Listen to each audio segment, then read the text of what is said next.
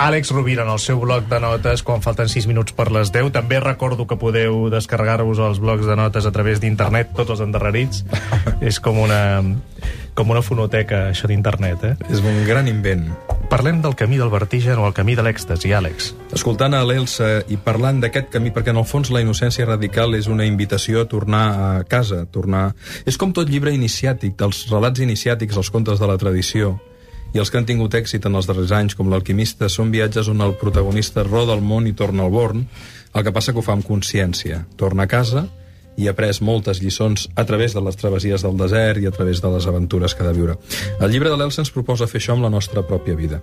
I en aquest camí de retorn a la innocència radical em venia al cap un concepte molt interessant que vaig escoltar ja fa molts anys amb un catedràtic lúcid, savi i erudit que es diu Alfonso López Quintás, que deia que la vida hi ha dos camins, el camí del vertigen i el camí de l'èxtasi. El camí del vertigen no et demana res, aparentment t'ho dona tot, però després t'ho pren tot. És el que deia fa una estona l'Elsa en relació en aquests camins de vida que de vegades es prenen um, buscant quelcom que ens ompli a través de l'experiència intensa però no profunda, una parella del darrere de l'altra, la droga fàcil, l'alta velocitat, la virtualitat, lo efímer. No et demana res, aparentment t'ho dona tot, però després t'ho pren tot. El camí de l'èxtasi és el contrari, és un camí on d'entrada no et dona res, t'ho demana tot, però després t'ho dona tot. És el camí de la persona que, eh, havent tingut una vida difícil, decideix intentar donar-li un sentit. És el camí de la persona que, havent patit molt, vol endreçar les seves emocions i fer un procés d'alquímia interior. És el camí de la persona que, en lloc d'esdevenir un cínic o algú dolent, decideix fer una alquímia interior i convertir el cinisme i el mal en amor i creativitat. És el camí del, de la persona que sap que no s'emportarà res més d'aquesta vida que allò que hagi donat, no? I per tant podem triar. El camí del vertigen és aparentment molt intens i no gens profund, i probablement, com diu la doctora Elisabeth Kubler-Ross, no? si al final de la vida ens pregunten com ens hem sentit, sentirem una gran tristesa.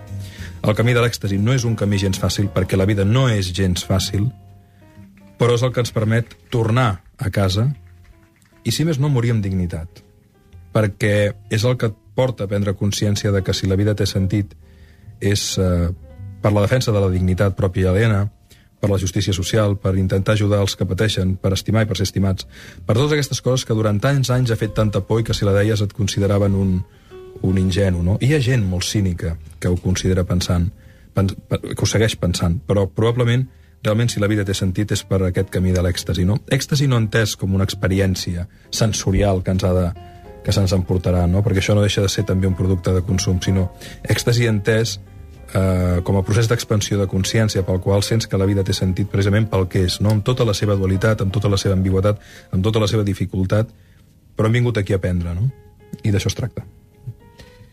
Una última aportació, Elsa. Sí, yo realmente a mí lo que, lo que creo es que eso, lo que está describiendo Alex, es lo que realmente describe lo mejor del ser humano, ¿no? Esa es la inocencia radical del ser humano. Es decir, yo creo que el problema que hemos estado teniendo no es que apuntemos demasiado alto en lo que le pedimos al ser humano y no lleguemos, es que estamos apuntando tan bajo que ya no tiene sentido. ¿no? Sí, sí, és veritat. Es decir, tenemos un potencial que estamos malgastando. La resignació, ¿no? és la resignació. Y que da enorme tristeza a las personas, porque no somos tontos, todos somos inteligentes en ese sentido. Hi ha una correlació altíssima entre el pessimisme i la mandra. Probablement, sí, sí. I això ho diu el doctor Luis Rojas Marcos Sí, sí, perquè ha fet sí. l'estudi empíric, no? Els optimistes penquen, encara que els hi diguin ingenus, utòpics, estúpids, innocents. Sí, es una palabra preciosa, a me En canvi, els pessimistes només han d'aixecar una cella, maldir d'algú, d'alguna circumstància i convidar a la resignació.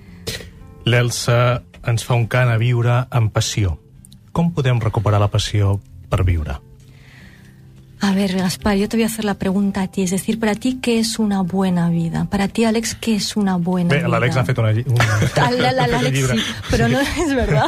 Sí, no, Para, és, para és, és, vosotros, cuidar, ¿qué és es? cuidar el que tenim aquí i ara, des del respecte, des de la consciència i des de la gratitud. No? Sí, yo creo que para cada uno es Claro. algo distinto, ¿no?